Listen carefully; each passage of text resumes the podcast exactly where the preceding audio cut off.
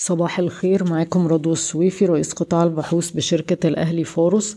اقترحت وزارة المالية مجموعة جديدة من الضرائب والرسوم على المنتجات والخدمات بعضها استفزازية بهدف زيادة الإيرادات الضريبية للسنة المالية المقبلة. حصلت التغييرات المقترحة في ضريبة الدخل على موافقة لجنة التخطيط والموازنة بمجلس النواب يوم الخميس وسيؤدي ذلك إلى رفع حد الإعفاء من ضريبة الدخل الشخصي لستة وتلاتين ألف جنيه من أربعة وعشرين ألف جنيه سنويا مع إدخال معدل ضريبة جديد نسبته سبعة وعشرين ونص في المية للأشخاص اللي بتكسب أكتر من مليون جنيه سنويا. يناقش مجلس النواب تعديل بعد أحكام القانون رقم 182 لسنة 2020 بإلغاء الإعفاء الضريبي المفروض على عوائد أذون وسندات الخزينة أو المكاسب الرأسمالية الناتجة عن التعامل في الأدوات المالية. تتوقع وزارة المالية المضي قدما في إصدار سندات مقومة باليوان بقيمة 500 مليون دولار أمريكي في الربع الرابع من 2023 وقعت المنطقة الاقتصادية لقناة السويس اتفاقيات مع عدد من الشركات الصينية يمكن أن تشهد استثمارات أكثر من 700 مليون دولار في مشروعات داخل المنطقة الصناعية اللي طورتها الصين في العين السخنة. قالت وزيرة التعاون الدولي إن البنك الأفريقي للتنمية هيقرض مصر 110 مليون يورو للمرحلة الثالثة من محطة معالجة مياه الجبل الأصفر.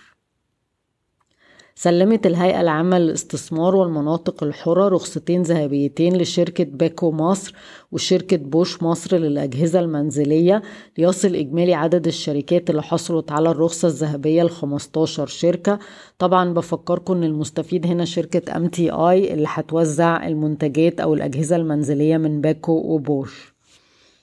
توقع رئيس هيئة قناة السويس أن يكون لزيادة الجفاف في قناة بنما أثر إيجابي كبير على نشاط الملاحة في قناة السويس ولكن ده هيحدث في المستقبل القريب. تفاوضت الهيئة العامة للسلع التموينية على خطط سداد أكثر مرونة مع موردي القمح وسط أزمة العملات الأجنبية بس طبعا دي هتكون آه، فترة مؤقتة. قبرص بتسعى لبناء خط أنابيب لحقول الغاز الطبيعي في إسرائيل بموجب خطة يمكن أن تجعلها مورد رئيسي للطاقة وتتنافس مع مصر على تصدير الغاز الطبيعي المسال لأوروبا. آه، ستقدم الحكومة عطائين عالميين للتنقيب عن النفط والغاز خلال النصف الثاني من عام 2023 ذكرت الصحف المحلية أن المجموعة آه، المالية المصرية EFG Holding هتكون المستشار المالي بشأن إنهاء بيع حصة المصرية للاتصالات في شركة فودافون مصر خلال الأشهر الثلاثة المقبلة. وطبعا دي هتكون transaction كبيرة هتدخل لمصر في حدود المليار دولار. GB Corp أصدرت نتائج الأعمال للربع الأول من 2023 108 مليون جنيه أرباح مقارنة ب 230 مليون جنيه في الربع الأول من العام الماضي. ده بسبب إن قطاع السيارات سجل خسائر 80.5 مليون جنيه ولكن طبعا GB Capital سجلت أرباح 190 مليون آه، جنيه. طبعا آه، خسائر العملات الأجنبية كانت أكبر سبب في آه، الخسائر اللي حصلت في قطاع السيارات اللي سجلت 264 مليون جنيه بس خسائر فروق عملة. السهم بيتم تداوله عند مضاعف ربحية خمس مرات لعام 2023 سيتم إعفاء عدد من المواد الخام المستوردة المستخدمة في صناعة الأدوية مؤقتا من ضريبة القيمة المضافة بموجب قرار صادر عن مصلحة الجمارك. في كونسورتيوم آه، من البنوك حاليا بتتفاوض مع إيثيتكو لرفع سعر الفايدة على قروض الشركة المقومة بالدولار والشركة لسه بتحاول تتفاوض مع البنوك لإعادة جدولة مديونيتها لمدة أربع سنين. تحالف أوراسكوم وحسن علام بدأ يعمل على الطريق الدائري الثالث في ليبيا بتكلفة استثمارية مليار دولار.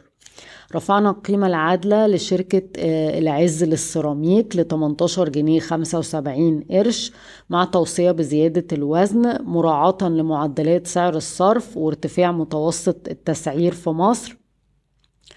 مع التوقع في ارتفاع الارتفاع في أحجام المبيعات بداية من عام 2025 بعد الانخفاض اللي هيحصل في عام 23 و 24 مع رفع الهوامش موافقة مع آخر نتائج أعمال كمان صافي الدين ارتفع. بفكركم إن السهم بيتم تداوله عند مضاعف ربحية خمس مرات لعام 2023 و EV to EBITDA ثلاث مرات. السويس للأسمنت سجلت خسائر 58 مليون جنيه في الربع الأول من 23 وتم تغيير اسم المجموعة المالية هيرميس ل EFG Holding بشكركم ويوم سعيد.